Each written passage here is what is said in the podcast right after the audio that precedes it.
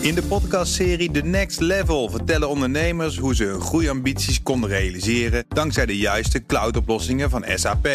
Wat waren de uitdagingen, de oplossingen en hoe ging de uiteindelijke implementatie? Benieuwd naar hun verhalen en hoe zij met behulp van SAP ook hun toekomstige ambities kunnen behalen? Luister de podcast The Next Level via de BNR-app of je favoriete podcast-app.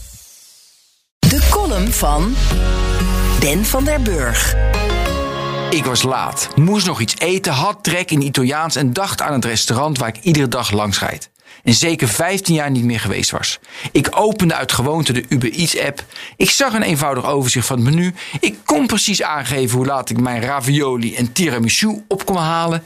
Ik kon met Apple Pay betalen. Wat een heerlijk gemak. Na drie kwartier liep ik het restaurant binnen. Ik herkende de inboedel, de donkerbruine houten tafels en stoelen. Lichtbruine houten schotten tegen de muren, waarvan sommige beschilderd waren met water, inclusief Venetiaanse bootjes of de toren van Pisa. Op planken lege wijnflessen en een visnet aan de muur. De verf bladderde van de raamkozijnen. De vloer vertoonde slijtplekken. In 15 jaar was er niets veranderd. Behalve de verkoopster. Ze bood me naast het eten een fysieke kaart aan. Ik kon haar in het vervolg ook direct bellen, zei ze. Ik verontschuldigde me omdat ik me te laat realiseerde dat ik niet via Uber iets had moeten bestellen. De commissie is 13% zei ze droevig.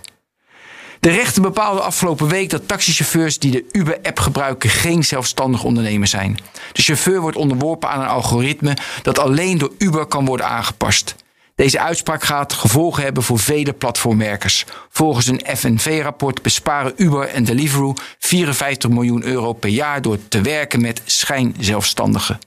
De FNV komt op voor de schijnzelfstandigen, ik kom op voor de lokale restaurants. Zoals niemand bezorgers verplicht om voor Uber, Gorilla's of Deliveroo te werken, kan een restaurant weigeren samen te werken met één of meerdere grote platformpartijen. De consument grijpt echter onderdacht naar de meest voor de hand liggende app en beseft niet dat door deze handeling de lokale pizzeria 13% door de neus geboord wordt.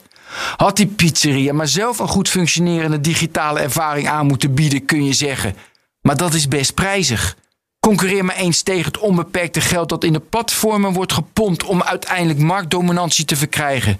Lokale, sympathieke initiatieven in ons land lopen daarom vaak stuk. Voorlopig zit er maar voor ons één ding op. We zullen meer frictie en gedoe moeten aanvaarden en dat is irritant en lastig. Om de marges niet weg te laten vloeien naar een paar platformaandeelhouders. Want die mannetjes hebben het geld minder hard nodig dan je lokale pizzeria.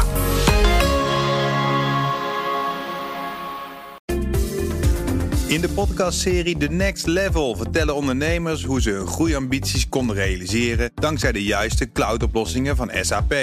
Wat waren de uitdagingen, de oplossingen en hoe ging de uiteindelijke implementatie? Benieuwd naar hun verhalen en hoe zij met behulp van SAP ook hun toekomstige ambities kunnen behalen? Luister de podcast The Next Level via de BNR-app of je favoriete podcast-app.